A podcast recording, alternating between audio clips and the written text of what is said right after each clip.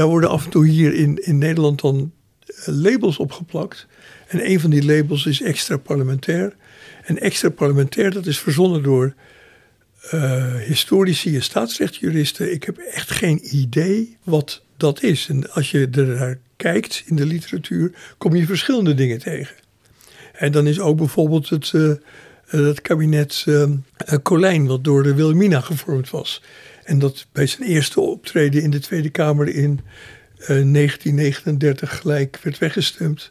Eh, is dan een extra parlementair kabinet. Want dat kabinet was gevormd buiten de Kamer om. Eh, maar dat is niet waar we het nu over hebben. Eh, hebben we over andere dingen. Dus daarom denk ik dat het beter is om, om die termen niet te gebruiken en zeggen er zijn drie knoppen waar je die partijen aan kunnen draaien. En dat is ministers, beleidsafspraken, steun vanuit de Kamer.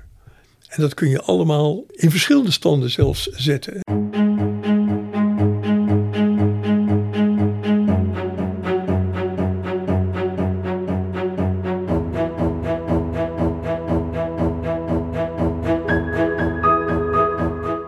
Dag allemaal, mijn naam is Armen Akverdian, politicoloog aan de Universiteit van Amsterdam. In deze podcast spreek ik met collega's uit de politicologie en aanverwante vakgebieden over hun onderzoek en over de actualiteit. Vandaag praten we toch weer verder over de formatie. Ehm, die is in de volgende fase beland, of misschien zijn we alweer terug bij af. Geert Wilders stelde tijdens het debat over de stukgelopen formatie dat de opdracht van de Kamer aan informateur Plasterk onvolledig was omdat de vorm van het kabinet geen onderdeel was van de gesprekken. Ehm, het ging dus over de inhoud zonder de vorm. Wel nu Wilders stelde voor om een nieuwe informateur aan te stellen, Kim Putters, om te onderhandelen over, jawel, de vorm zonder de inhoud. Putters heeft de afgelopen week allerlei deskundigen gesproken over staatsrecht en kabinetten, want hij moest eerst zelf een beetje bijgepraat worden. Um, zet er een microfoon bij en je hebt een hele leuke podcast, denk ik. Um, en dat is precies wat ik nu ga doen. Aangeschoven zijn twee politicologen die onderzoek doen naar kabinetten, regeringen, parlementen, vormen van oppositie en alles en nog wat. Allereerst Tom Lauwersen, universitair hoofddocent aan de Universiteit Leiden. Tom, welkom. Dag Armen. En uh, Tom, onze oud-docent, uh, is aangeschoven, um, die mij in 2002 bij het eerstejaarsvak inleiding in de politicologie al die kernbegrippen heeft geleerd. Rudy Anderweg. Rudy, welkom. Dankjewel. Emeritus hoogleraar aan de Universiteit Leiden. Um, Rudy, in 2018 hebben wij uh, een, een, podcast opgenomen. Dat was aflevering 6. Toen was jij net met pensioen. Ja. Ik zal die posten in de, in de show notes. Dat is een, een, een lang gesprek, een beetje een samenvatting van jouw academische carrière toen. ging over kiezers, de kloof, over Kamerleden, alles en nog wat. Um, maar welkom terug, goed om je te spreken. Dank je. Er is een hoop gebeurd sinds 2018 in de Nederlandse politiek. En ik wilde toch even voordat we over de formatie praten, wilde ik vragen naar jullie reactie op de verkiezingsuitslag. Tom, als ik met jou mag beginnen. Verkiezingsavond, of in aanloop naar verkiezingsavond. Uh, op een gegeven moment wordt Geert Wilders de grootste. Wat was je eerste reactie toen je dat zag? Ja, toch wel eh, enigszins verrast. Al had ik de dag daarvoor natuurlijk mijn, mijn traditionele stuk geschreven over dat de slotpeilingen en de uitslag uh, vaak toch voor minimaal één partij een verrassing opleveren van minimaal vijf zetels. Dus ik had niet zo verrast moeten zijn over de verrassing, maar hij was er dan toch. en het had natuurlijk, als ik vooraf had geweten dat die verrassing bij die partij had uh, gelegen, dan had ik dat wel van de daken geschreeuwd. Maar dat was onzeker. En toen dacht ik, ja, toch die, uh, die, die wilde stem en die patronen toch nog een stuk sterker. Dan, dan dat we dat al eerder zagen. En zelfs ook nog sterker dan, in, dan op die maandag en dinsdag in, in peilingen te zien was. En toch ook best een, een, een, flinke verandering in de Nederlandse politiek. Want uh, dat soort partijen, die radicaal, radicaal rechts populistische partijen, uh, die doen het al enige tijd behoorlijk goed in de Nederlandse politiek. Maar toch niet uh, die ene partij die dan de grootste wordt en ook nog ruim 35, nou nu 37 zetels haalt. Op dat niveau hadden we ze nog niet gezien, ook als je ze bij elkaar optelt. Dus in dat opzicht is dat wel echt een, een verandering. Uh, ten opzichte van eerdere situaties waarin ze een belangrijke uh, politieke factor waren, maar toch altijd kleiner dan een andere partij op rechts. En dat, ja, dat hebben we nu ook wel teruggezien, dat dat toch ook in de formatie alweer uh, een impact heeft over hoe dat allemaal verloopt. Rudy, wat was jouw reactie? Ja, ik ben evenzeer verbaasd als, uh, als Tom geweest op die avond van de verkiezingen. Er kwam eigenlijk bij dat het niet alleen bij de PVV zit. En dat er ook een, uh, een nieuwe partij, die nog maar net bestond, uh, NSC, van Pieter Omtzigt, dat die ook toch voor Nederlandse begrippen een enorm sterke debuut maakt in de Nederlandse verkiezingen. Tweede sterkste debuut sinds de LPF eigenlijk. Precies, ja. Dus dat, er komen hier een aantal dingen. BBB is eigenlijk ook, dat is normaal wat je misschien zou verwachten van een nieuwe partij. Ongeveer in die orde van grootte. Maar het is toch ook heel behoorlijk. Um, dus er komen uh, een aantal nieuwe factoren in, in, in de verkiezingen naar voren. Die ik eerder niet had gezien en ook eerder niet had verwacht. En dat maakt ook, vind ik, dat de totale uitslag er zo heel anders uitziet. Ik ken niet veel kabinetsformaties waarbij er eigenlijk geen andere optie is uh, dan uh, het vierpartijenkabinet. Uh, wat, men, wat Plasterk al heeft geprobeerd te formeren en waar men toch eigenlijk nu een doorstart mee wil maken omdat andere partners, bijvoorbeeld Partij van de Arbeid GroenLinks, bij voorbaat niet erbij willen betrekken. Anderen willen die partijen niet bij betrekken. Dat is één. Eh, dat hebben we overigens wel eerder gemaakt. Hè. De, bijvoorbeeld Rutte met zijn eerste kabinet heeft uh, toen duidelijk gemaakt um, dat hij een voorkeur gaf aan een coalitie met de PVV boven een coalitie met de Partij van de Arbeid in die tijd. Dus dat, op zichzelf is dat wel eens vaker gebeurd. Um, de beroemde uh, wet van de, Doud, zo, van de, de Amsterdamse hoogleraar Doud destijds, uh, dat er alleen in uiterste noodzaak door de, dit soort partijen met de Partij van de Arbeid geregeerd wordt, geldt eigenlijk nog. nog steeds eigenlijk. Nog, nog, steeds. Ik denk meer dan toen Doud het formuleerde, want toen was, ging het over het CDA en was het CDA nog een partij met een rechter- en een linkervleugel. Maar dat is niet meer zo. Dus dat is. Uh, uh, nu geldt eigenlijk nog sterker dat partijen als. Uh, het CDA, nou die staat nu even langs de zijlijn, en dan de VVD, eigenlijk niet willen regeren met de Partij van de Arbeid, tenzij het echt niet anders kan. De zogenaamde Nolens-doctrine of de wet van Doud. Even kijken, de, de formatie. Het formatiedebat. Um, hebben jullie gekeken? De, de hele dag? Korte stukjes tussendoor, want ik had steeds weer overleggen en zo. Ik heb nog even teruggekeken en gelezen ook, ja. ja ik vond het inhoudelijk vond ik een interessant, uh, vond ik een interessant debat. Um, wat, uh, wat vond jij ervan, uh, Rudy? Ja, het was een interessant debat. Maar het was wel een debat wat blootlegde dat de partijen um, daar lopen toch wel behoorlijke scheidslijnen tussen.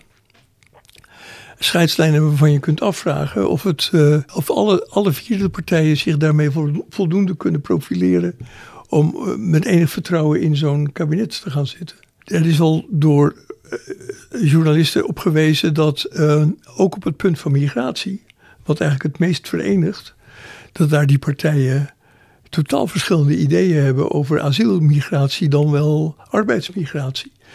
En dat uh, voor de BBB en de VVD is, uh, uh, is arbeidsmigratie waar ze het liever niet over hebben. De VVD heeft een grootste sponsor die een, een bedrijf, als grootste sponsor een bedrijf wat op het terrein van de arbeidsmigratie uh, werkt. Terwijl mensen als omzicht, die wil, heeft eigenlijk niet zoveel uh, uh, op, op met, met arbeidsmigratie. en, en dat zag je wel terugkomen, dat ze onvoldoende comfort hebben, dat er iets voor hen te halen valt.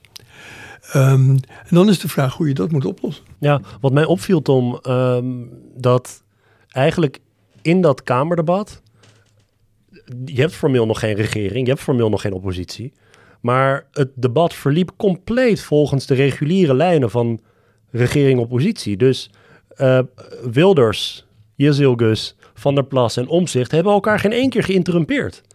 Ze zaten daar, ze werden geïnterrumpeerd door de oppositie. Maar um, ze maakten elkaar over en weer verwijten. Van der Plas heeft weet ik veel hoe vaak gezegd: Ik snap er helemaal niks van.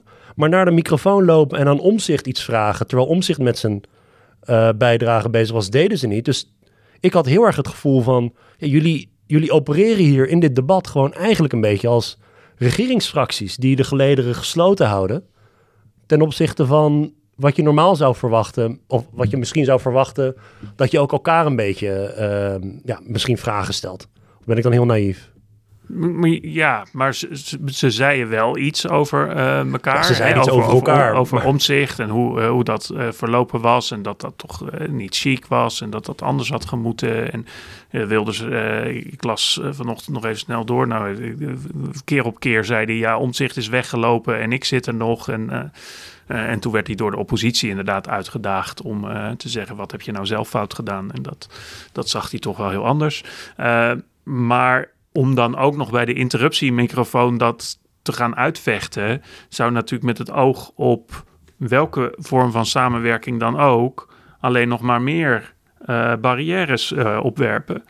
Hè, dus uh, je ziet wel ook binnen die coalitie enig, of binnen die nog niet gevormde coalitie, wel enigszins het, het, conflict naar, naar boven komen. Uh, en dat, dat, vond ik ook overigens ook wel opvallend. Uh, dat in de maand januari toch steeds meer berichten naar buiten kwamen. Uh, waaruit bleek dat het toch niet lekker liep. Ehm, en die radiostilte die dan constant, op een gegeven moment kon, eigenlijk constant werd verbroken. E-, e-, eerst was het heel stil en toen steeds meer, ook, zeker ook na, die, uh, na de spreidingswet. Want radiostiltes die gelden natuurlijk vooral voor, al, voor anderen en minder voor Wilders blijkbaar. werd er, en toen zag je eigenlijk dat het ook steeds naar buiten kwam. En dat is eigenlijk meestal wel een teken dat het dan binnenskamers toch echt niet, uh, niet geweldig loopt. En anders doe je dat niet. Uh, en ja, dat zag je nog wel terug, ook in dat uh, debat. Maar ik denk dat het toch vooral met het oog op de toekomst is. Van ja, we gaan elkaar hier niet zo de tent uitvechten dat, dat Kim Putters nog, nog langer bezig is om mensen weer bij elkaar te brengen. Want het is volgens mij ook wel wel duidelijk. En dat, dat in, in jouw gesprek uh, met, met uh, Sarah de Lange en, en Simon Otjes werd dat ook genoemd. Ja, die, die uh, persoonlijke dynamiek tussen die, die, die hoofdrolspelers, die is ook niet geweldig. dus dan helpt het ook niet om elkaar in het publiek nog een keer een vliegen af te gaan vangen. Het punt dat Wilders maakt, hè, dat er is gepraat over de inhoud zonder de vorm. En dat de vorm juist ook voor omzicht belangrijk bleek te zijn. Hoewel de reden om te breken in zijn verklaring ging niet over de vorm. Dat ging over financiën en dat ging over het proces met al dan niet achterhouden van documenten door Plasterk. Maar is het mogelijk om vorm en inhoud te scheiden in zo'n formatie? Dus wanneer je aan het onderhandelen bent, had het beter geweest om zowel over de vorm als over de inhoud te praten? Of kun je die twee echt los van elkaar bezien? Want nu krijgen we een hele fase met praten over de vorm zonder inhoudelijk te gaan praten over, over beleid. Ja, in zekere zin heeft alleen Omzicht het wel over de vorm gehad, omdat hij al in januari heeft geconstateerd dat, dat er, uh, zijn partij er onvoldoende vertrouwen in had, in meer rechtsstatelijke punten, ondanks de gemaakte afspraken, uh, er onvoldoende vertrouwen in had om zelf ook ministers te leveren. Dus dat, op dat moment was al duidelijk dat we een ander soortig kabinet gingen vormen, zolang deze vier partijen de spelers bleven in, in die kabinetsformatie. En, uh, maar de andere partijen hebben dat, hebben dat niet uh, gedaan. Uh, misschien hadden die de hoop dat ze er inhoudelijk wel helemaal uit zouden kunnen komen. Omdat als je er inhoudelijk uitkomt, waarom zou je dan nog over de vorm moeten hebben? Dan kun je toch het makkelijkste een klassiek uh, meerderheidskabinet vormen. Een meerderheid waar partijen steun aan, alle vier de partijen steun aanleveren.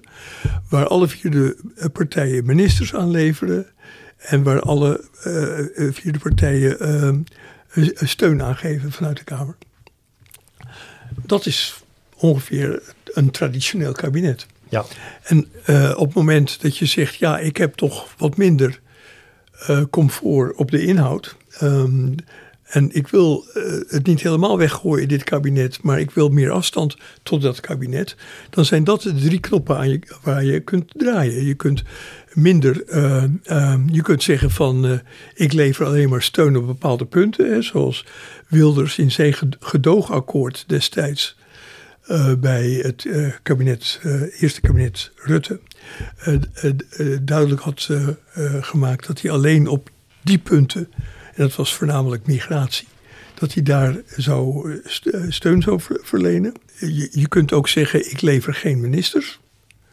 Dat deed Wilders toen ook niet. Gedogen wordt dat dan in Nederland genoemd. Dus op die manier kun je afstand scheppen.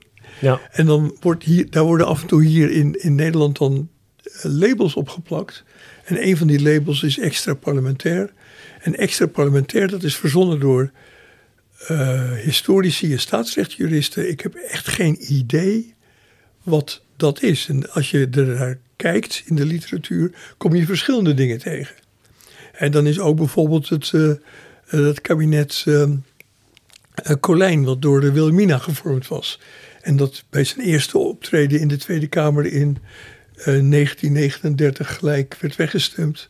is dan een extra parlementair kabinet. Want dat kabinet was gevormd buiten de Kamer om. maar dat is niet waar we het nu over hebben. We hebben over andere dingen. Dus daarom denk ik dat het beter is om, om die termen niet te gebruiken en zeggen er zijn drie knoppen waar je die partijen aan kunnen draaien. En dat is ministers, beleidsafspraken, steun vanuit de Kamer. En dat kun je allemaal in verschillende standen zelfs zetten. Hè. Op het moment dat fractieleiders bijvoorbeeld alle vier in de Kamer zouden blijven, dan heb je een heel ander soort kabinet. Ja, drie knoppen. Nou, in feite ehm, in ons jargon drie variabelen. Ja. Op basis van die uh, variabelen kun je, uh, ja, die kun je op verschillende standen zetten, inderdaad, zoals je zegt. En dan krijg je verschillende soorten kabinetten. Um, ik vind het interessant dat je zegt dat extra parlementaire laat dat zitten, want dat schept meer verwarring dan duidelijkheid. Terwijl dat nu juist een beetje de buzzword is in, in Den Haag. Extra parlementair. Jizelgus kwam ermee. Ze heeft geen flauw idee wat het, wat het was. Daar kon ze geen duidelijkheid over geven. Um, ik begreep, uh, Simon Otjes, die, die had op ons, uh, op ons blog een stuk geschreven... waarin die ook zei dat... Uh, bijvoorbeeld Voermans of Van der Braak... of ja, je, je had het over staatsrecht deskundigen en historici, dat die andere definities hebben van wat een extra parlementair kabinet precies is. Um, zie jij dat ook zo, Tom, dat die term meer verwarring oplevert dan duidelijkheid en dat je het eigenlijk over andere dingen moet hebben? Of andere, andere laten we zeggen, andere eigenschappen van een kabinet? Nou, ik, denk, ik vind dat een mooie analyse uh, van Rudy, die eigenlijk meer helderheid oplevert dan, uh, dan, dan die term extra parlementair, die door iedereen anders uh, wordt gebruikt. Ik denk dat het meest gebruikt wel in het relatief recente periode uh, verwijst dan naar de, het kabinet Den Uyl. Hè, wanneer je dus een, een kabinet hebt wat wordt gevormd waarbij die christelijke partijen, nou ja, dat was natuurlijk door de voorgeschiedenis ook eh, bijzonder, omdat er een stembusakkoord was door, tussen drie progressieve partijen. Maar ja, die hadden geen meerderheid, dus die, die, die moesten breder. Uh, maar ja, die christelijke partijen die gingen natuurlijk ook niet bij het kruisje tekenen. En dat waren dus lastige onderhandelingen. En een van de oplossingen was dan dat die ministers niet eigenlijk vanuit de partijen werden uh, aangezocht, maar vanuit de formateur. Dus die waren wel lid van hun partij. en die zaten er ook wel als lid van die partij, maar minder sterk namens die partij. Uh, maar ja, goed, dat is natuurlijk al een, kwestie van perceptie. Maar uh, dat, dat gaf toch die op. Dan kan Rudy zeggen, in termen van personeel was die binding echt duidelijk een, een, stuk minder sterk dan bij een gangbaar meerderheidskabinet. En, en ook op het, uh, op het gebied van beleid was daar de binding minder sterk, omdat die fracties toch het regeerakkoord daar een minder sterke binding mee uh, voelde dan uh, uh, doorgaans de norm is voor een regulier meerderheidskabinet. Dus in dat opzicht kun je zeggen, op twee van die dimensies betekende dat dat die binding van een aantal fracties in ieder geval minder sterk was met het kabinet dan, dan van andere fracties. Want dat is natuurlijk ook nog een complicatie in deze hele discussie. Vaak, in, in ieder geval in dat geval, zag je dat dus dat dat voor een aantal fracties gold, maar niet voor alle fracties. Ja. dus dat, en dat zou hier misschien ook zo kunnen zijn, dat voor een aantal fracties die binding sterker is dan voor, voor anderen. Omzicht heeft, heeft het dan over gedogen. Nou ja, dat betekent dat hij waarschijnlijk geen ministers levert. Uh, en misschien op niet alle onderwerpen aansluit bij een onderhandelaarsakkoord. Er wordt altijd over uh, afspraken of op hoofdlijnen gesproken. Dat wil iedereen altijd vooraf, maar dat lukt nooit. omdat ze het niet eens zijn over die hoofdlijnen. En dan worden er toch heel veel hoofdlijnen. en hoe minder vertrouwder is als hoofdrolspelers, ja, hoe, dan, hoe gedetailleerder je wil dat die afspraken op papier dus, komen. Dus meestal wordt het dan toch een stuk langer dan, dan de paar A4'tjes die, die vooraf altijd uh, worden genoemd. Maar eh, dan is ook de keuze, sluit ik me daar wel bij aan of alleen bepaalde onderdelen. Maar dat, bedoel, dat, dat zou dan in, waar, in de variant waar nu vooral over wordt gesproken, omzicht zijn. Voor Wilders zou dat extra parlementaire misschien aantrekkelijk zijn vanuit het idee extra parlementair kan ook betekenen dat er ministers van buiten worden aangezocht. Hè? Dus die ministers die misschien nu nog geen lid zijn van de partij en die dat nog worden. Nou ja, bij Wilders kan dat sowieso niet, dus dat, is, dat scheelt wel weer. Maar die mensen die hij aanzoekt om als al dan niet onafhankelijk, maar toch op, aan, op zijn verzoek minister uh, uh, worden. Dat, dat, dat levert voor hem ook een oplossing op voor zijn personeelsprobleem. Hè, omdat zijn, zijn kieslijst is zo kort dat hij al heel snel tegen het probleem van lijstuitputting gaat, gaat aanlopen. Als hij heel veel mensen door zou schuiven vanuit de Tweede Kamer naar het kabinet. Dat kan dus eigenlijk niet. dus, dus voor hem zou dat extra parlementaire toch vooral misschien ook in het personeelsaspect zitten. En voor de VVD speelt dat misschien weer sowieso veel minder. En die zou meer gewoon regulier deelnemen aan een uh, meerderheidskabinet. Dus dat, dat maakt die discussie ook ingewikkeld, dat voor verschillende partijen die binding anders kan zijn. Ja, ik, voordat we uh, maar die term extra parlementair voorgoed ja, bij het grofvel doen, uh, Rudy, even traditioneel gezien, de kern van een extra parlementair kabinet zit hem in de binding vanuit de fracties met het regeringsprogramma of het regeerakkoord. Dat in feite in een, in een, in een parlementair kabinet heb je dat fracties expliciet onderschrijven wat in het regeerakkoord staan, staat en het uitvoeren samen. In een extra parlementair kabinet is dat niet zo. Nee, dat zou dan niet in hoeven, maar nogmaals, um, het, dat is maar één van de, één van de variabelen. Uh, we moeten eh, van dat onderscheid tussen uh, regeerakkoord en regeerprogramma niet een te groot iets maken. En dat, uh, dat is eigenlijk pas ontstaan in de jaren 50. Ja, ik, ik zag dat, dat, dat eigenlijk een, een regeerakkoord in een moderne zin, dat dat in 1963 voor het eerst ja, was. En ja. dat de laatste, ehm, het kabinet De Kai, 1959, had nog een regeerprogramma. Nou ja, goed, dat was zes kantjes. Um, inderdaad op hoofdlijnen. Een regeerakkoord van uh, Rutte 4, om een indruk te geven, was meer dan 40 pagina's. En dat is exclusief financiële bijlagen. Um, dit zijn, ik, ik heb niet een, een, systematische analyse van al die regeerakkoorden en regeerprogramma's gedaan hoor. Maar is uh, traditioneel gezien een van de dingen die ze onderscheiden niet dus hoe, hoe uitgebreid en gedetailleerd ze zijn? Of um, zit daar verscheidenheid tussen? Daar, daar zit uh, verscheidenheid tussen. Maar er zit ook wel een onderliggende trend dat ze steeds langer zijn geworden. En steeds gedetailleerder. Gaandeweg. Gaandeweg, ja. Dus na 63 is dat best wel snel gegaan. Maar ja, daarna hebben we behoorlijk lange regeerakkoorden gehad. En zeker als je ook dan zeg maar bij dat eerste kabinet Rutte meetelt het uh, gedoogakkoord met de PVV.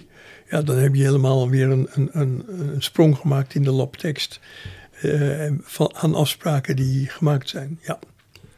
Eén, um, denk ik, um, zeg maar, empirische steun voor jou, jouw pleidooi om die extra parlementaire variant misschien niet zo uh, uh, ja, in de spotlights te zetten. Simon die laat dus zien in dat stuk dat als het gaat om een aantal regerings-oppositie-dynamieken, wie steunt wie, cohesie van de oppositie, dat die extra parlementaire kabinetten die er zijn geweest, en met name in het interbellum, maar neemt Den L er ook bij, dat er eigenlijk niet zo heel veel verschil is tussen wat we parlementaire kabinetten noemen en wat dan extra parlementaire kabinetten zijn. Even voor de liefhebbers hoor. Dat zijn uh, kabinetten de Geer 1, zoals, zoals iedereen weet. Uh, Ruis de Berenbroek 3, Colijn 2 uh, en 3, Colijn 5, de Geer 2. Allemaal in het interbellum. Um, ook allemaal kabinetten zonder de Sociaaldemocraten, want die waren uitgestoten van regeringsdeelname vanwege Troelstra's poging tot revolutie. Um, maar in ieder geval, um, wat, wat Simon dus in dat stuk laat zien, is dat eigenlijk Den L is het kabinet dat het meest zou passen bij wat de Kamer nu enigszins wil. Namelijk, Tom, wat jij net zei, je hebt een soort van motorblok met fracties die misschien uh, dat echt expliciet onderschrijven. En andere fracties die, um, die, die kunnen daar wat losser mee omgaan. Uh, maar die andere extra parlementaire kabinetten waren best wel parlementair eigenlijk. Ondanks het feit dat ze formeel misschien niet steunden op um, steun van de regeringsfracties vanuit de Kamer. Wat trouwens ook leuk was in dat stuk, uh, je hebt blijkbaar je eigen Griekse letter, Tom. Uh, je hebt een maat voor de cohesie van iets bedacht en dat noemde Simon Lauwersens Vie. Kan dat? Ja, nou, dat, dat vind, ik, vind ik wel aardig van Simon. Maar nee, de... ik heb geen heb jij letters, uh, Rudy? Uh, Anderwegs nee, Alpha of nee, dit is, Nooit Maar dit, dit, is eigenlijk gewoon de associatiemaat phi, die we wel gebruiken voor 2 bij 2 uh, tabellen. Ja. En uh, uiteindelijk is het ook de samenhang tussen twee dichotome variabelen. Namelijk of je in de regering of in de oppositie zit en hoe je, hoe ja. je stemt voor of tegen een bepaald voorstel. En als, als dat volledig langs coalitie-oppositielijnen gaat. Oftewel, alle coalitiefractieleden stemmen voor en alle oppositiefractieleden stemmen tegen, of precies andersom, dan zal die maat gelijk zijn aan 1, want dan is dat een perfecte voorspeller voor hoe je stemt. Ja. En als dat totaal niet met elkaar samenhangt, dan is het gelijk aan 0. He, want dan is, eh, dat, en, en daar kan dus ook van alles tussenin zitten. Eh, en dat is, eh, dat is het aardige aan die maat, dat die dat, die dat toestaat. He, dus hoe, hoe hoger je zit, hoe, hoe meer er langs regeringsoppositielijnen wordt gestemd. En dat is in Nederland sowieso redelijk aan de lage kant. Hè, want er wordt vaak uh, niet perfect langs regeringsoppositielijnen gestemd. Of, ofwel omdat de oppositie gewoon steun geeft aan regeringsvoorstellen. Hè, veel wetgeving wordt toch met vrij brede meerderheden of zelfs unaniem aangenomen. Uh, maar ook wel omdat uh, we heel vaak regeringen hebben die oppositie terwijl, zowel ter linkerzijde als ter rechterzijde hebben. Hè, en dan zie je toch vaak dat een bepaald voorstel dan uh, bijvoorbeeld een voorstel van de, van, de, uh, van de regering ofwel de linkse oppositie meekrijgt en de rechtse oppositie tegen, of net andersom. Of het kan ook een voorstel van de linkse oppositie zijn waarbij een van de regeringspartijen meestemt. En zeker als het om moties en zo gaat, zie je dat gewoon best vaak. Dus dat, dat dempt die, uh, die FIMAat uh, voor de Nederlandse context. En als je dat dan afzet bijvoorbeeld tegen Groot-Brittannië met twee dominante partijen, één regering, één oppositie, zit die veel en veel hoger. Uh, en dat is ook, ook, ook goed verklaarbaar. En Simon gebruikt die maat om te laten zien dat er in die extra parlementaire kabinetten die je net noemde, eigenlijk evenveel langs regeringsoppositielijnen wordt gestemd als in de normale meerderheidskabinetten die we hebben gehad. Even terug naar die drie knoppen, Rudy. Dus dat waren de, uh, de bewindspersonen. Ja. Uh, komen die van, uh, vanuit eigenlijk de, de Kamer of, of niet? Of misschien vanuit buiten? Ja, um, daar zitten een aantal uh, variatie. Komen ze, komen ze uit de Kamer? komen ze minder uit de Kamer, maar wel uit de partij. Mm. Um, uh, en gaat de, de, leider ook zelf um, in het kabinet zitten. Dat wordt vaak ook gezien als, als een belangrijke ondersteuning voor de afspraken in het regeerakkoord. Omdat dan de mensen die met elkaar het regeerakkoord gemaakt hebben, zitten ook zelf in het kabinet en kunnen dat doorzetten als leiders van hun, uh, van hun respectieve partijen. Misschien uh, ja, he helemaal aan, aan het andere uiterste kun je nog bedenken dat een, een behoorlijk deel van de partijen, van de, van de ministers, helemaal uh, niet um, een binding hebben met, met enige politieke partij. En we hebben tot in de jaren zestig uh, partijloze ministers gehad in Nederland. Dus op die, op die, laten we zeggen, op die dimensie of op die variabele heb je aan het ene extreme heb je een, een puur apolitiek zakenkabinet van buiten. Ja. Wat, wat is het andere extreme daarvan? Dus dat is echt dat, we, dat de partijleiders zelf partijleiders zelf en, uh, en zo, liefst ook zoveel mogelijk de andere ministers uit, uit de Kamer komen. Dat is een beetje wat we gewend zijn de afgelopen periodes. Ehm, Ja. Het, het incidenteel dat de partijleider in de Tweede Kamer blijft zitten bij echt grote partijen. Ja, Bolkestein en- wordt altijd genoemd en zo. eh. Ja, maar ook in recentere tijden hè, de, eh, hebben wel verschillende partijleiders ook met een beroep op eh, dualisme. Dan zeggen ja, dan gaan wij het geluid van onze partij in de Kamer blijven wij vertegenwoordigen. Zoals Diederik Samson die, dat deed voor de Partij van de, van, de Arbeid. Maar ja, dat, dat lu- lukt dan ook niet altijd even goed. Maar dat, dat, dat beroep wordt wel gedaan. Maar je hebt ook wel toch in de afgelopen periode ook bij D66 best een aantal ministers eh, die nou niet eh, echt bekend stonden als voorname partijleden of eh, in ieder geval als ze al lid waren dan toch geen prominente leden, zoals de minister van Volksgezondheid, de minister van Onderwijs, sta- staatssecretaris van Cultuur, Oesloe, die, die, die, die, die kwamen toch allemaal van buiten, laat ik maar zeggen. En die werden dan wel lid van de partij, maar hadden toch niet een sterke partijachtergrond. Maar dat, dat waren er toen bij D66 weer wat meer. Maar over het algemeen is dat toch wat minder vaak dan mensen die wel duidelijk die partijachtergrond hebben. En of al in de Kamer zitten, of al echt een staat van dienst binnen die partij op een andere manier hebben. Eh, dus over het algemeen is die partijpolitieke binding best sterk eh, voor ministers. En zo'n kabinet met van die partijpolitieke zwaargewichten, dat heeft enorme consequenties voor eigenlijk hoe dominant zo'n kabinet ten opzichte van de Kamer kan zijn. Want dat zijn meestal kabinetten die ook de, de Kamerfracties echt in hun tang houden. Ja. Ehm, Terwijl omgekeerd, als die partijleiders in, of een aantal daarvan in de Kamer blijven, dan krijg je ook een heel andere dynamiek. Omdat je dan iets krijgt wat wij in Nederland wat minder kennen. Maar eh, de term komt uit Oostenrijk. Dan krijg je iets van bereiksopposition. Dan krijg je dus dat die partijleider die in de Kamer zit, ook probeert de positie van zijn partij voortdurend te markeren ten opzichte van het kabinet. In Nederland was het mooiste voorbeeld daarvan Bolkestein in, in eh, het tweede Paarse kabinet. En waar die voortdurend eh, zei van ja, ehm, dit beleid willen wij niet als VVD, maar ja, we hebben afspraken gemaakt. Die houden we ons dan wel aan, maar het gaat wel met zand tussen de tanden. was dan een van de uitdrukkingen die die, die, die pleegde. Eh, en dat ging best wel ver. En in Oostenrijk is dat een heel gebruikelijk fenomeen dat in de toenmalige grote coalitionen, dat daar dan eh, de, de, de ene partij eh, oppositie voerde tegen ministers van de andere partij. En dan tot het randje ging. Net niet zo ver dat het kabinet in gevaar werd gebracht, maar wel zodat iedereen niet kon vergeten dat deze partij er anders over dacht. dat is de eerste knop. De tweede knop, eh, laten we daar wat dieper in duiken. Wat was dat ook alweer? We hadden beleid ook nog. En de derde was... De be- be- beleid of de, of de steun, de mate van, van steun die je van tevoren toezegt aan het kabinet. Ja, laten we beginnen met eh, die, die tweede, dus die steun. Wat, wat bedoel je daar precies mee? Nou ja, eh, daar, daar zie je ook dat er nu onduidelijkheid is bij de, eh, de onderhandelaars op dit moment over wat ze bedoelen. Ik bedoel, Omtzigt vond de gedachte van een extra parlementair kabinet van mevrouw Jesselgus een interessante.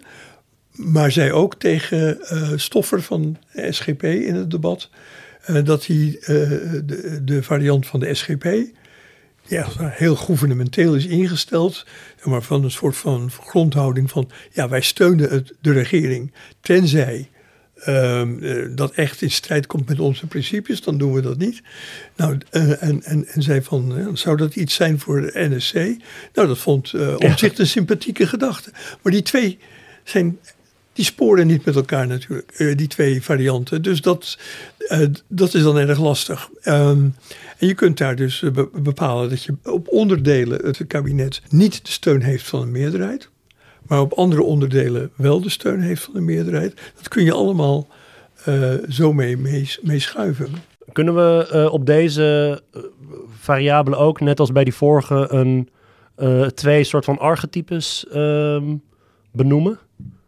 Het ene extreme en het andere extreme, wat die, wat die steun Ja, het betreft? is eigenlijk een, een, een, een continuum van ehm, eh, steun en eh, die omslaat naar oppositie. Hè? Aan de ene kant ben je altijd in de oppositie of ben je soms in de oppositie als partij. Eh, en is dat ook van tevoren enigszins voorspelbaar? Nou, dan kom ik terug op het punt wat, wat Tom net terecht noemde, dat in Nederland die fee heel, heel laag is. Lauwersens fee?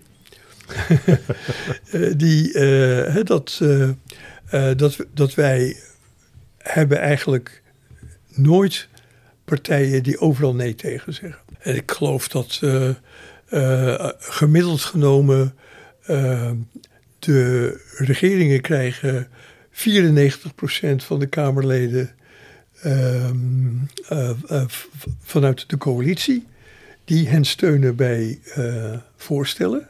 Dus ook nooit 100%, maar heel hoog. In een, en, en het is minder, net 90% geloof ik of zo, uh, uh, van de oppositiepartijen. Dus oppositiepartijen stemmen echt vaker met de regering mee dan dat ze daartegen stemmen. Dus dat is al een belangrijk gegeven als je zoekt naar een regering, wat is die, die, een, een samenstelling die een beetje kan regeren, die steun zal krijgen. Dan weet je dus dat je voor heel veel dingen die niet al te controversieel zijn, dat je wel een meerderheid zult krijgen. Nou, met andere dingen die heel controversieel zijn, wil je het zoveel mogelijk liefst dicht, dicht timmeren. En welke partijen zijn bereid daar hoe ver in te gaan? Uh, dus aan de ene kant zou, je een totale Engelse situatie hebben van, van pure oppositie tegenover pure regering. Nou, dat komt zelfs in Engeland nauwelijks voor. Maar aan de andere kant uh, uh, heb je dan een, een situatie van dat ehm, eigenlijk alle partijen in de Tweede Kamer een soort grondhouding hebben dat ze de regering wil steunen, tenzij het niet anders kan. Ja, je hebt uh, denk ik in het verleden die, die, die SGP-houding um, van de constructieve oppositie genoemd, toch? Ja, we hebben wel eens gekeken naar verschillende oppositiehoudingen en dat, dan ook verschillende instrumenten die oppositiepartijen kunnen uh, gebruiken. Hè, en zijn dat dan meer instrumenten zoals een amendement of een, een, een, motie, waarbij je toch iets probeert te veranderen aan een bepaald voorstel, maar dat daar toch mee ook iets constructiefs vaak doet? Of is het meer toch de nadruk leggen op de controle van de regering. Hè, de vragen stellen, mondeling, schriftelijk. Misschien ook tegenvoorstellen uh, stemmen. Dat is ook een rol van de oppositie. Maar die ligt meer, toch meer op dat controlerende. Um, en bepaalde partijen die doen eigenlijk allebei veel. Dat is eigenlijk misschien meer de actieve oppositie. Uh, dat zie je vaker wel een beetje bij, bij links. Um, uh, GroenLinks, SP in sommige periodes. Um, en je ziet dat dat de SGP uh, en, en ChristenUnie toch vaker wat meer in dat uh, relatief wat minder het vragen stellen en het tegenstemmen. En wat meer in wel moties, amendementen vooral ook, uh, initiatiefvoorstellen. dat, dat toch iets meer ook laten weten van ja, wat zouden wij dan willen? dus dat, dat, dat zie je wel, wel terug in, in hun gedrag. Maar misschien nog even in aanvulling op wat, wat, uh, wat, wat Rudy uh, noemt over uh, die mate van steun. Een term die wel veel wordt gebruikt rondom die, die, discussies over gedogen en dat soort dingen in de internationale literatuur is confidence and supply. en dat is dan iets wat dan toch wel minimaal verwacht wordt van een partij die zegt steun te geven. Dat is eigenlijk die confidence is, we sturen jullie niet weg. Uh, of in ieder geval niet, niet zomaar. Want als een. Uh, kijk, als oppositiepartijen zullen ook niet. De meeste oppositiepartijen zullen niet elke dag moties van wantrouwen indienen tegen het kabinet. om maar te kijken of die weg kan. Maar als ze de kans ruiken. en ze zien. hé, hey, dit kabinet heeft helemaal geen meerderheid. en we vinden het eigenlijk ook niks. dan zullen ze dat natuurlijk proberen. Je zegt dan eigenlijk als partij die confidence and supply belooft nou, dat gaan we zeker niet doen. We geven jullie de kans om gewoon te gaan regeren. En in principe beloven we uh, dat vertrouwen ook niet, uh, niet op, te uh, op te zeggen. en dat supply, dat, dat richt zich dan met name op de begroting want dat is natuurlijk een belangrijk onderdeel van het regeren, is de jaarlijkse begroting rondkrijgen. Want anders kan je als kabinet wel heel weinig uh, uh, voor elkaar krijgen. dus de steun voor die begroting is ook een belangrijk uh, onderdeel van dat soort steun. Want dan weet je als regering dat je in ieder geval die begroting rond kan, kan maken. En dat deed Wilders overigens ook in de periode dat hij gedoogde. En dat was eigenlijk nog het, het, het, zijn financiële commitment was eigenlijk wel een van de belangrijkste. Want inhoudelijk was het aantal afspraken beperkt echt tot een bepaald, eh, bepaald, eh, beperkt aantal onderwerpen zoals migratie. Maar doordat hij ook op de begrotingssteun leverde, steunde die eigenlijk alles wat een financiële component had. En dat is heel veel beleid. Dus eh, per, per saldo steunde die eigenlijk op bijna alle onderwerpen uh, die gewoon mee met de regering. Behalve bijvoorbeeld op buitenlands beleid, want dat is duidelijk iets wat vaak geen financiële component heeft. En daar stemde die heel, heel erg anders. Maar ik ik zou dus zeggen. Als het gaat om de regering is, is dat, en, en die steun geven of niet, is dat denk ik wel een belangrijk omslagpunt. Zit je daaronder, wil je dat niet, confidence and supply, ja, dan, dan doe je eigenlijk niet meer mee. Uh, maar je kunt natuurlijk wel veel meer doen dan alleen confidence in supply. En, en dat, dan gaat het ook richting van ja, welk deel van het beleid steun, steun je dan? Ja, ja nee, dat is denk ik een, een uitstekende verduidelijking. Um, en bij die factor, bij die knop aan het, van het draaien, daar, zien we ook nog, los van wat er nu bij ons in Nederland met deze kabinetsformatie aan de hand is dat er iets lijkt te zijn van een onderliggende trend, waarbij dit steeds vaker voorkomt. Dat partijen zeggen, nou wij geven wel steun, uh, zeker bij een begroting, maar wij uh, we sturen jullie ook niet onmiddellijk zomaar weg. Um, maar wij binden ons ook niet helemaal van tevoren. En um, die, dat soort gedoogconstructies zien we in een aantal andere landen. Denemarken, waar vroeger echte minderheidskabinetten waren, daar zie je dat nu ook veel minder. En vaker met een gedoogconstructie. Het is ook in Zweden regelmatig voorgekomen. dus de, er is als het ware een splitsing gekomen in de categorie minderheidskabinetten. Waarbij uh, sommige minderheidskabinetten zijn echte minderheidskabinetten. Die hebben maar de steun van een minderheid in de Kamer. Uh, maar veel vaker zien we dat ze weliswaar een minderheid van partijen hebben die ministers leveren, maar dat ze wel een meerderheid hebben van partijen die steun toezeggen. Hoe komt dat, dat die, dat die trend er is? Ja, dat, dat durf ik niet te zeggen in, in de zin van dat ik, dat ik kan bewijzen hoe, hoe dat zit. Maar er zit wel een heel aparte um, uh, correlatie. En dat is dat uh, in de naoorlogse periode zien we uh, dat uh, uh, partijen die regeren, die gaan steeds vaker verlies leiden in de daaropvolgende verkiezingen. Um, en dat, regeren kost zetels. Regeren, ja. Nou ja, dat is, regeren is inleveren, ja, dat klopt. En dat betekent dat een van de, de kernpunten van de politicologische coalitietheorieën steeds minder opgeld doet. Het kernpunt van alle coalitietheorieën is dat partijen graag willen regeren.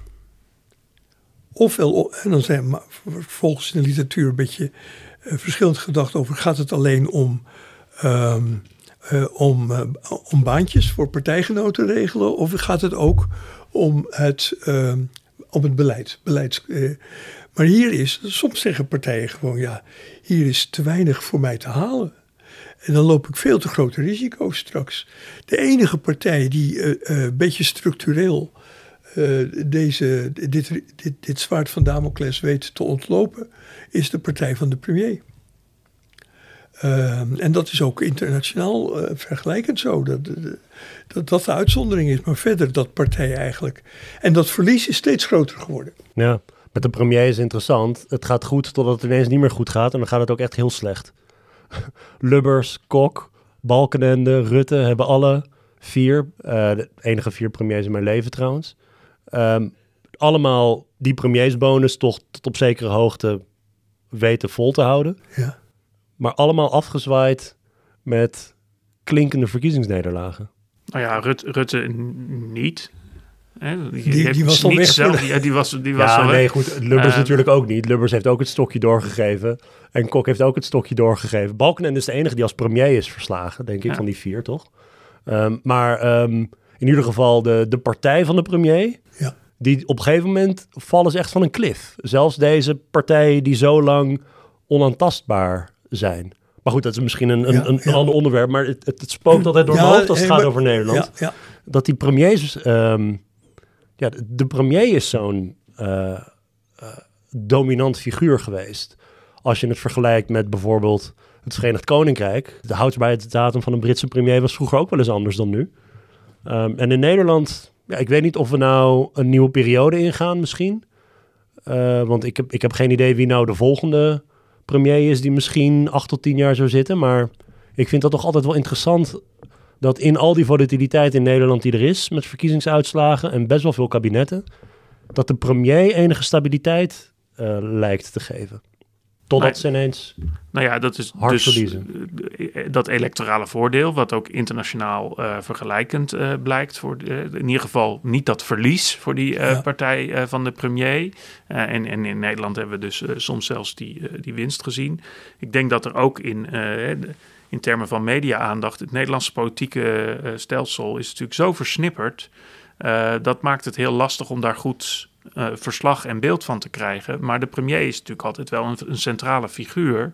Die, die daardoor ook vrij snel wel als een van de centrale spelers in dat spel wordt, wordt neergezet. Uh, en daar kun je van profiteren als je dat een, een, beetje goed weet, weet aan te pakken. Dus ik, ik denk dat je juist ook in zo'n versnipperd systeem daar misschien nog wel, wel meer profijt van, van hebt. En het is natuurlijk ook wel zo dat in, in, in, dit soort partijen, en zeker ook bij de VVD, hè, zolang zo'n zo, zo'n politiek leider kan laten zien dat ze de verkiezingen kunnen, verkiezingen kunnen winnen, dan zal de achterban ook zeer gesloten achter zo iemand blijven staan. Hè, dus dan is er ook geen reden om, om daarover te gaan, gaan, gaan lopen zeuren. Terwijl binnen die grote partijen in het, in het Britse systeem, die zo divers zijn met vleugels en zo. Ehm, daar, daar ligt dat dan toch wel wat anders. En toch meer interne uh, strijd ook. Ja, ik wilde, voordat we naar de, de, derde en laatste knop gaan, Tom, want jij zei op een gegeven moment, als het gaat over types oppositie voeren, dat lijkt me ook, ook belangrijk, omdat Pieter Omzicht natuurlijk niet zomaar een, een Kamerlid is of zomaar een partij. Dat is iemand die echt is van de controlerende taak. Ja. Um, en um, zeg maar, in jouw schema had je het over controlerende en wetgevende um, uh, assen. Dus uh, je kunt, uh, zoals de SGP of de ChristenUnie, kun je actiever zijn op die wetgevende as met die wetten en amendementen en, en noem maar op. En die meer controlerende kamervragen en moties en, en noem maar op. Um, heb je data over omzicht, het Kamerlid omzicht? Hoe, waar bevindt hij zich in die. Um, ja, dat, nee, in dat speelveld? We, hebben dat nooit per, uh, per individueel Kamerlid uh, uitgesplitst. Er zijn natuurlijk wel meer Kamerleden die veel mondelinge vragen uh, stellen. Dan zou je eigenlijk in die analyse ook nog eens moeten kijken van wat voor soort vragen zijn dat. Hè, want sommige vragen die zijn echt duidelijk informatief. Andere, dat is eigenlijk een, een soort ingekleed persbericht. Uh, waarbij vindt u ook niet dat dit een ontzettend groot probleem is. En dat is dus eigenlijk meer hè, een, een, onderwerp op de agenda krijgen. Is toch ander soort in, insteek. Terwijl om zich die vragen juist ook vaak heel erg direct heeft gebruikt. Om echt informatie proberen boven water uh, te krijgen. Dat, dat, daar zit dus ook nog wel een verschil in, in hoe die instrumenten worden, worden gebruikt. Dus dat onderzoek zouden we misschien eigenlijk wat, nog wat moeten specificeren om zo iemand als omzicht daar dan goed in te plaatsen. Want het is niet iemand die alleen maar vragen gebruikt om uh, te zeggen, nou, het kabinet is allemaal slecht bezig. Maar uh, die, die, die, die is ook, ook toen hij coalitiekamerlid was, hè, deed hij die controlerende taak. En dat is natuurlijk ook hartstikke goed, want dat, dat mag je van alle Kamerleden uh, verwachten. Hè? Uh, maar dan, dan, dan vlieg je meestal wel iets anders aan. Dan is het uh, echt duidelijk proberen informatie boven water te krijgen over bepaalde dingen die, die spelen. En, en minder een soort partijpolitieke puntjes scoren of, of, of, Kamervragen zien als een manier om in media te komen. dus dat ik denk dat we daar, uh, als je dat nader zou willen analyseren, echt wel een verschil in zou moeten maken om omzicht goed te kunnen plaatsen. Nou, ik vraag dat omdat natuurlijk uh, uh, Stoffer, die zei tegen omzicht van probeer de SGP-methode eens een keer. Maar um, omzicht, het Kamerlid omzicht, en ik neem ook aan de fractie die hij om zich heen heeft verzameld, die zijn toch wel wat meer van de controlerende taak dan de SGP. Um, dat, dat, is, dat, is net, dat is net iets wat, wat ik uh, niet, zo, niet zo met de SGP-methode zou uh, vereenzelvigen. Het lijkt me lastig om een NSC te hebben die, en dat zag je ook bij het stuk lopen van de formatie, die zo bovenop het proces zit en zo bovenop eigenlijk tot het tot vervelend toe het hameren en het controleren. En ehm, dat lijkt me een, een, een interessante coalitiepartner. Dit is een beetje de identiteit van Pieter Omzicht. Uh, en zijn sterke punten, wat jij net zei, toch? Ja, maar ook heel apart, hè? want Omzicht zal ook gezien hebben dat hij eigenlijk de enige was. Renske Leijten was dat ook, maar die was van de SP en dat was een oppositiepartij in die hele periode. Maar dat iemand van een regeringspartij uh, zo uh, zich vastbijt in één regeringsdossier, dat is heel uitzonderlijk. En het zou ook best kunnen zijn dat Omtzigts ideale kabinet is een kabinet waarbij uh, zijn fractiegenoten wat makkelijker die ruimte zullen voelen om die controlerende taak uit te oefenen. En dat is makkelijker als hij niet zelf in het kabinet zit. Juist, ja. Dat niet in het, als hij niet in het kabinet zit, als hij niet hele harde afspraken met het kabinet heeft over steun. En als er ook andere bewindslieden van zijn fractie in het kabinet gaan zitten. En, en als er geen uh, harde afspraken gemaakt worden over steun. Aan de andere kant, uh, in, in, aanvulling daarop. Uh, om zich heeft natuurlijk wel altijd als CDA-lid ook gewoon loyaal meegestemd met alle stemmingen en wetgeving. En was helemaal niet die iemand die nee. constant afweek van de partijlijn als het ging om stemmingen. He, dus dat deed hij ook. He, dus dat zou zijn partij uh, misschien best ook kunnen doen. Zeggen, nou, uh, over de afspraken die we maken, daar stemmen we ook gewoon over mee. Maar als er iets gebeurt, dan gaan we gewoon kritische vragen over stellen. Ministers en, en hun ondersteuning vinden dat nog steeds best wel lastig. Want dat is soms dis disruptief. En dat vinden ze lastig, die kritische vragen. En er moet alle informatie boven, boven tafel komen. Maar het wil niet zeggen dat dat niet kan uh, als onderdeel van een coalitie. Je kan dan toch nog steeds gewoon een steun geven aan de beleidsagenda van zo'n kabinet. Tot slot het beleid. Wat zijn daar de, de opties? Wat bedoel je met een knop van beleid waar je aan kan draaien als uh, politiek of als informateur? Nou ja, we hebben bijvoorbeeld in een land als Italië hebben we uh, een kabinet gehad wat geleid werd door een voormalige centrale bankier. En die had wel een soort van algemeen uh, doel meegekregen van de partijen die dat op afstand steunden. Maar het was toch echt wel, er was niet een echte formele band. Dus dat zou, je hier, uh, dat zou ook kunnen zijn dat je wat meer ministers hebt uh, die door de aard van hun eerdere carrière of hun eerdere uitspraken op een bepaalde koers, beleidsmatige koers zitten. Bijvoorbeeld over de overheidsfinanciën of in dit geval over migratie. Maar niet zelf afkomstig zijn van uh, die partijen of daar uh, voor in de Kamer hadden gezeten. Dus dan, dan zit je al op een grotere afstand en zijn, dan zijn er eigenlijk geen afspraken nodig.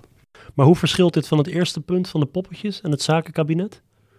Nou, het is, eenzelfde, het is een vorm van afstand nemen, maar in dit geval uh, uh, komt erbij dat er ook geen echt regeerakkoord is. Of, hmm. of althans maar een heel klein regeerakkoord. Een regeerakkoord op, op hoofdlijnen wordt dat altijd genoemd, maar zoals Tom er net al aangaf, maar in de praktijk worden die hoofdlijnen toch nogal um, uitgebreid. Maar dat, dat, kun je, dat kun je proberen.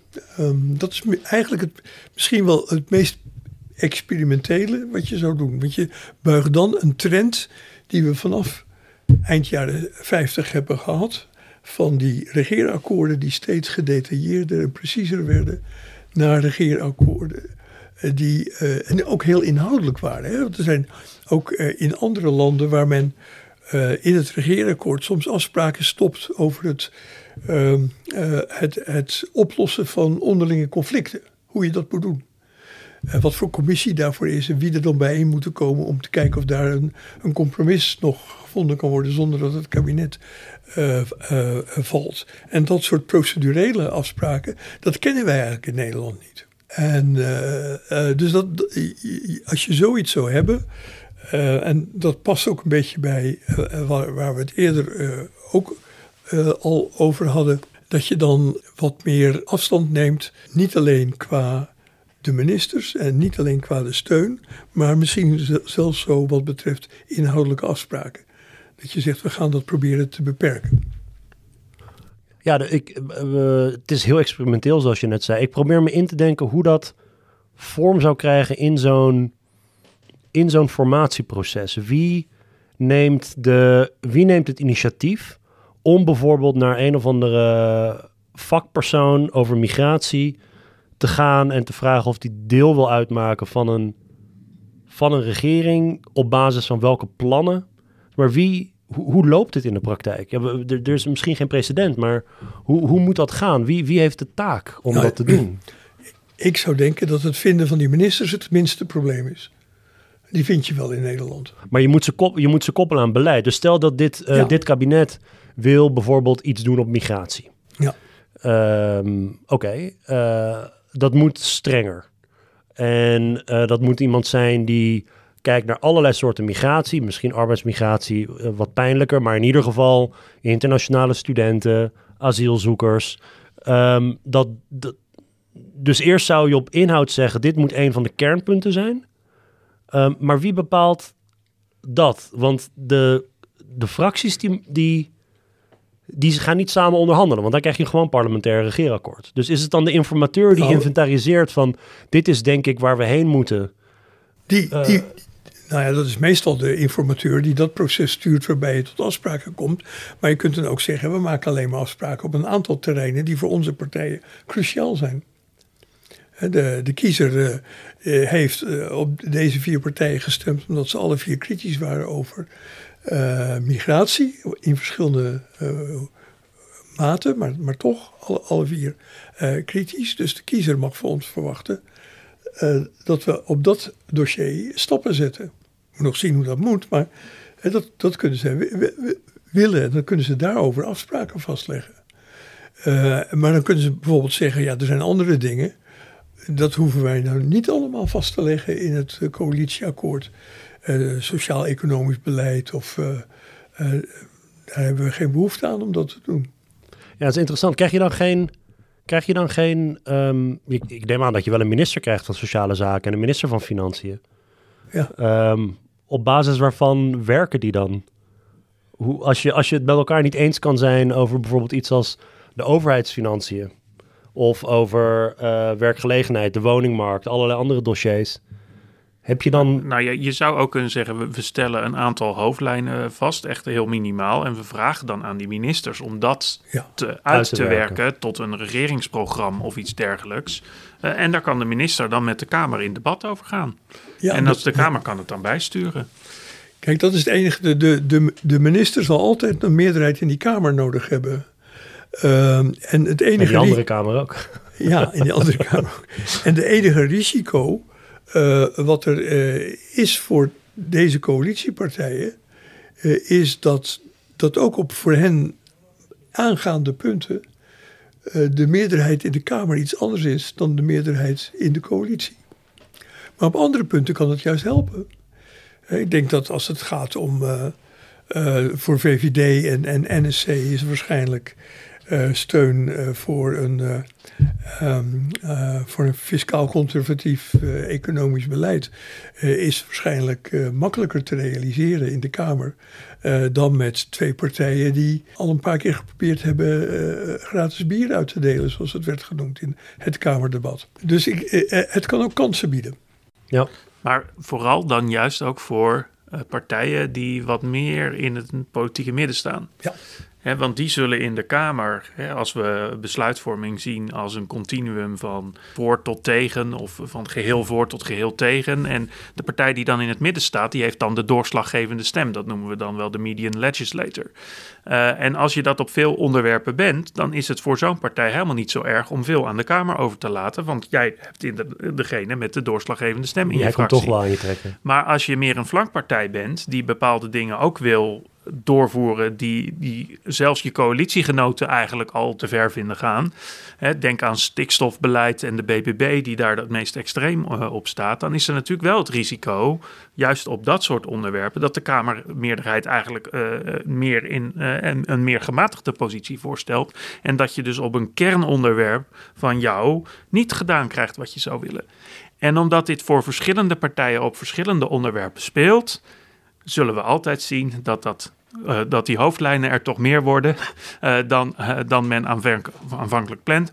Want men wil wel de hoofdlijnen hebben, maar wil, men wil ook op, de, op dit soort kernissues waar men verder wil dan wat de, de median legislator wil, wil men zorgen dat dat wel wordt vastgelegd. Want anders komt dat in de Kamer natuurlijk niet van de grond. En, en dat verklaart misschien ook wel mede waarom voor NSC zo'n optie van meer aan de Kamer overlaten, oftewel via minderheid ofwel via een zwakkere binding met, uh, uh, met het kabinet, aantrekkelijker is, omdat zij op veel onderwerpen toch wel wat meer in het politieke midden staan. In ieder geval vergelijking uh, met, met de co coalitiegenoten, zeker PVV en, en, en, en BBB. dus dat, dat is ook wel vanuit een soort politiek strategische visie visie of een rationele, meer rationele overweging wel te verklaren waarom dat bij die ene partij uh, toch ja, minder als een acceptabele oplossing wordt gezien. En anderen toch eigenlijk wel de voorkeur ja. hebben voor een gewoon traditioneel meerderheidskabinet waarin dingen worden vastgelegd. Ja, precies. Hoe, hoe meer die, die andere drie, ik reken de VVD ook een beetje tot dat, tot dat blok. Hoe meer die overlaten aan de Kamer, hoe verwaterder hun eigen positie uiteindelijk wordt. of verwaterd, hoe gematigder hoe, hoe, meer ze zich moeten matigen, omdat ze meer op de flanken zijn op een aantal van die uh, onderwerpen. Um, nou ja, goed, als jullie zelf zouden kunnen draaien aan die drie knoppen, wat voor soort kabinet zou je op dit moment adviseren? Zeg maar, gegeven de samenstelling van de Kamer, gegeven wat we weten over de verkiezingsuitslag, de personen, et cetera. Wat zijn, wat is nou, wat is nou een kabinet dat haalbaar is. En dan niet voor een van die partijen het ideale kabinet, maar gewoon wat is nou haalbaar gegeven waar we nu staan. Ja. Ik denk dat je voor, de, um, voor die drie uh, politieke partijen, voor PVV, VVD en BBB, uh, dat daar de, de problemen het minst groot zijn om uiteindelijk toch tot een uh, meerderheidskabinet uh, te komen. Nou, de VVD had daar aanvankelijk aarzelingen over, maar die heeft ze nu in het Kamerdebat soort of weer ingeslikt. Uh, of dat nu weer weg is, nu omzicht zich niet daartoe laat overhalen, weet ik niet. Dat moeten we nog afwachten. Maar daar ligt toch de problemen het klein, zijn daar het kleinst. Voor omzicht zijn ze het grootst. Dus ik denk dat je daar met die drie knoppen kunt, kunt draaien. Waarbij soms die knoppen elkaar kunnen compenseren. Ik denk dat als je op het punt van uh, beleidsafspraken wat meer afstand uh, toestaat aan omzicht. Uh, dat dan voor hem makkelijker is om toch toe te laten dat de PVV ministers levert, waar hij toch kennelijk erg tegen aanhikt. Dus daar kun je, dat is alleen maar in onderhandelingen uit te vinden, hoe, hoe ver kun je gaan met de ene knop uh, en waar moet je dat een beetje compenseren met de andere knop? Maar voor de goede orde, dat uh, het meerderheidsaspect zit er maar in dat je wel met die vier partijen doorgaat, maar één of meerdere van die partners zijn niet uh, gebonden aan een regeerakkoord misschien. ja, ja of, of maar aan een deel van Of aan een deel van een regeerakkoord. Een soort Den L, maar een conservatieve versie van het kabinet Den L misschien. Ja, dat, dat, zou, je kunnen, dat zou je kunnen doen. Um, en dan uh, uh, kijken of uh, Omzicht in ruil daarvoor toch op een aantal punten wel steun wil toezeggen. zodat het kabinet een beetje op een aantal dossiers toch voort kan. Zonder al, iedere keer een, een, nieuwe Kamermeerderheid bij elkaar te moeten sprokkelen. Um, maar dat, dat, dat is inderdaad aan de onderhandelingen. En dan even de kanttekening dat Wilders wel mensen moet vinden om minister te kunnen worden in zo'n kabinet. Maar dat is dan misschien ook. Ja, van... ik ben er zelf wat, uh, wat uh, uh, minder angstig voor. Niet in de zin dat hij. Ehm, of hij heel erg deskundige of goede mensen kan vinden, dat weet ik ook niet. Maar er zijn in Nederland altijd mensen die zich laten verleiden door een ministerspost. Daar heb ik geen, geen zorgen over. Ja, wat denk jij? Herman Heijsbroek en Eduard Bomhoff, dat soort uh, dat, mensen. Dat soort mensen. Maar ja, dat leidde wel weer uh, tot heel snel conflict uh, natuurlijk in dat eerste Balkenende kabinet. dus dat is dan misschien weer een vrees. Maar goed, aan de andere kant is bij sommigen misschien ook een hoop. Want dan, dan laten ze zien dat ze het niet kunnen. dat soort gedachtegang. Um, ik ik kan me ook voorstellen dat hè, als je aan, aan Rudy's een oplossing denkt, dat daar ook een soort compromis zou zijn. Ja, Wilders dan wel misschien als premier, als boegbeeld van de PVV. Uh, uh, maar dan uh, ministers die meer een, een, wat minder sterk partijpolitiek profiel hebben namens de PVV. waardoor dat misschien ook allemaal wat, wat minder zwaar weegt. Uh, of zelfs Wilders die uh, het ultieme offer brengt en zelf niet premier wordt. Uh, dat, dus daar, daar, zo zal hij dat dan presenteren, ja. denk ik. van nee, maar en dan, dan schuif ik iemand anders naar voren of iets dergelijks. Zo van, dat, maar dus dat op dat punt, dat, dan lost hij zijn eigen persoons, personeelsprobleem misschien deels op. En hij kan tegen om zich zeggen, maar zie je, er zit toch meer afstand ook op dit personele ja. afspraak. Tom, heel kort uh, tot slot, want ik um, kan je niet hier weg laten gaan zonder iets te vragen over de peilingwijzer. Begonnen als een hobbyproject, uh, zolderkamertje met je, met je data en weet ik veel wat. Op een gegeven moment ben je door, ik denk was dat door de NRC, Tom Jan Mills, die noemde die op een gegeven moment de invloedrijkste man op het Binnenhof, omdat de NOS uh, uitnodigingsbeleid maakte voor die debatten op basis van de peilingwijzer. Nou, ik heb, ik heb al heel lang was ik een, was ik een een liefhebber van de peilingwijzer, of in ieder geval als we peilingen gaan gebruiken, dan in hemelsnaam met inachtneming van huiseffecten, van onzekerheid. Um, de enige twee pijlers die jij nu in jouw peilingwijzer hebt, die gaan samen. INO en uh, Ipsos. Dat, dus, eh, en Maurice de Hond, die uh, neem je al een tijdje niet meer mee, want hij, hij vond het niet leuk dat je gebruik maakte van zijn openbare data.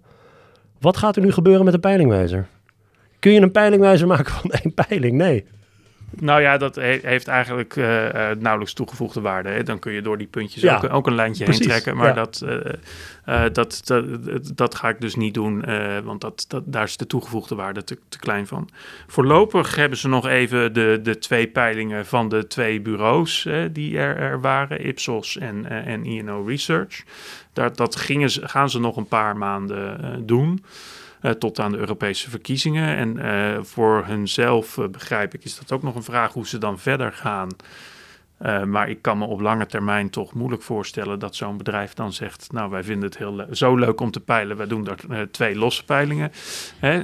en het wordt ook een beetje verwarrend dan misschien. De, de Ipsos INO-peiling en dan de INO Research-peiling of zo. Ja, dat, dus ik, ik, ik vrees een beetje dat, uh, dat dat er gewoon uh, één wordt. En ik zeg ik vrees, want ik vind dat jammer vanuit het perspectief dat als je verschillende bureaus hebben die toch elk, elk met hun net iets andere aanpak hetzelfde proberen te meten, dan kun je doordat je die verschillende reeksen hebt ook laten zien waar misschien overeenstemming zit, maar ook soms waar verschillen zitten.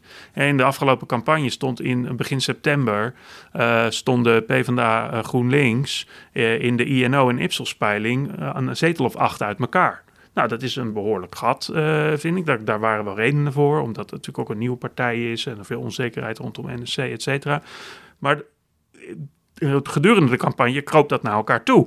En bij de ene pijler had dus uh, een beetje, was het verhaal GroenLinks PvdA stijgt. En bij de andere pijler was het verhaal GroenLinks PvdA daalt. Terwijl ik zei, ja, volgens mij kruipen ze gewoon naar elkaar toe en gebeurt er niet zoveel. Hè? En ik, ik denk dat dus dat dat waardevol is om vanuit die reden diverse bureaus te hebben die dat uh, doen. En als de spoeling veel dunner wordt, uh, dan uh, ja, en nu dus uiteindelijk alleen nog maar Ipsos INO uh, waarschijnlijk tegenover uh, de hond, dan zou ik dat uh, jammer vinden. Dus ja, zolang, zolang er maar één bureau is dat mij niet verbiedt om, om zo'n peilingwijze te maken, kan, ik dat, kan ik dat niet doen. Dus hopelijk staan er andere bureaus op die denken dat vinden we ook belangrijk om dat te doen. Niet omdat ik vind dat er nou per se heel veel meer peilingen moeten komen, maar ik denk wel een zekere diversiteit in bureaus dat dat, dat echt waarde heeft als je peilingen toelaat, dan is het beter voor het algemene publiek als er meerdere zijn. En dat is hele simpele uh, ja, fundamenten van de statistiek. Um, dat je met meerdere metingen van hetzelfde fenomeen, zeker als er allerlei moeilijke keuzes gemaakt moeten worden rondom methodologie, als die uit elkaar lopen. Uh, op het hoogtepunt van de peilingwijze had je misschien vijf bureaus? Vier of vijf? Nou, op het hoogtepunt zelfs zes, want toen ging LIS ook een, een periode ook nog uh, peilen. Um, dat was in 2017. En ik weet nog dat op een gegeven moment we, we die, die slotpeilingen vergeleken dan met de verkiezingsuitslag. De exit poll zat er natuurlijk heel dicht bovenop, maar de peilingwijzer destijds was heel erg dicht bij de, bij de slotuitslag. Veel meer dan die individuele peilers. Maar dat staat en valt, denk ik, bij uh, zeg maar, wat je in die peilingwijzer stopt. Hoe meer informatie je erin stopt, hoe meer je ook die, die kracht kan benutten van, dat, ehm, van die methodologie die je gebruikt. Om... Nou ja, wat je, wat je ziet als je kijkt naar de, de slotpeiling en de uitslag, is dat de pijlenwijzer het, het vaak ongeveer even goed deed als de beste pijler maar de beste pijler was ook niet steeds dezelfde. Dus dat is op zich, vind ik dat nog wel best een oké eh, eh, eh, resultaat. En met alle aantekeningen over het vergelijken van, van slotpeilingen met de uitslag daarbij. Hè, want er kan ook nog steeds een verschuiving Ik kijk op jouw whiteboard zijn. hier op jouw kantoor. Het zijn geen voorspellingen. Naar, dus, een, naar een artikel, ik, is dat in NRC? peilingen, dat zijn dus geen voorspellingen. Ja, nee, dat klopt. maar, en en dat, dat is ook belangrijk. En je ziet dat Kijk, het, het samenvoegen van peilingen, dat heeft uh, vooral een meerwaarde als je als, als pijlers een, een diversiteit aan, uh, aan meningen hebben en het, het, het, eh, het, de waarheid ergens in het midden zit. Als alle pijlers veel te laag zitten voor een, een bureau, of, omdat, of sorry, voor, een bepaalde partij. Of omdat die partij nog in de laatste dag enorm stijgt. Hè, dan zitten ze ook allemaal lager dan. Uh, dan is dat niet de fout, maar dan is dat gewoon nog een verandering. Ja, dan zal die peilingwijzer ook dat niet beter doen dan die bureaus. Hè, maar als het die bureaus gewoon ja, eigenlijk een, een beperkte afwijking uh, hebben, hè, dat die huiseffecten eigenlijk niet zo enorm groot zijn, maar dat er vooral wat onzekerheid in zit, ja, die, die kan door dat je meer informatie samenneemt, ja. dan kan je die verkleinen. En dat, dan zal de peilingwijzer daar een voordeel uh, uit, uit, uit, behalen. Ehm, maar ik denk dat uiteindelijk wat ik echt een meerwaarde vind van het instrument is dat je beschikbaar informatie samenneemt, dat ook presenteert op een manier waar de onzekerheid die daarbij hoort expliciet wordt gemaakt. Hè, waarbij we wat minder proberen de nadruk te leggen. Oh, er verschuift een klein beetje iets. Hoe zou dat nou komen? Terwijl dat misschien helemaal geen echte verschuiving is. Hè, dus dat het een instrument is waarbij je toch iets kunt doen met dat soort stemintentiepeilingen, maar wel op een iets verantwoorde manier. Nou, dat, en dat vond ik eigenlijk de echte meerwaarde van de, van de peilingwijzer. Niet dat het dan per se iets beter zou zijn dan een bepaalde uh, losse peiling. Dat is eigenlijk niet eens zozeer de ambitie. Het gaat eigenlijk mij meer om hoe kunnen we een beter verslag doen van zetelpeilingen. Het is eigenlijk wel raar hè, dat je voor uh, bedrijven is er antikartelwetgeving en moeten ze toestemming hebben voor een fusie. En hier is iets zo belangrijks waar ook uh, beslist wordt over de toegang tot, uh, tot televisiedebatten. dat daar nu door een fusie in feite dat instrument niet meer werkt. En dat laat men zomaar gebeuren. Heel erg bedankt voor jullie tijd. Um, Rudy, dankjewel. En Tom, jij ook dankjewel. Graag gedaan. U bedankt voor het luisteren. Uh, like, comment, subscribe, share, al die dingen. Ik, ik weet niet hoe de jeugd het tegenwoordig noemt. Um, en um, tot de volgende keer. Bedankt voor het luisteren.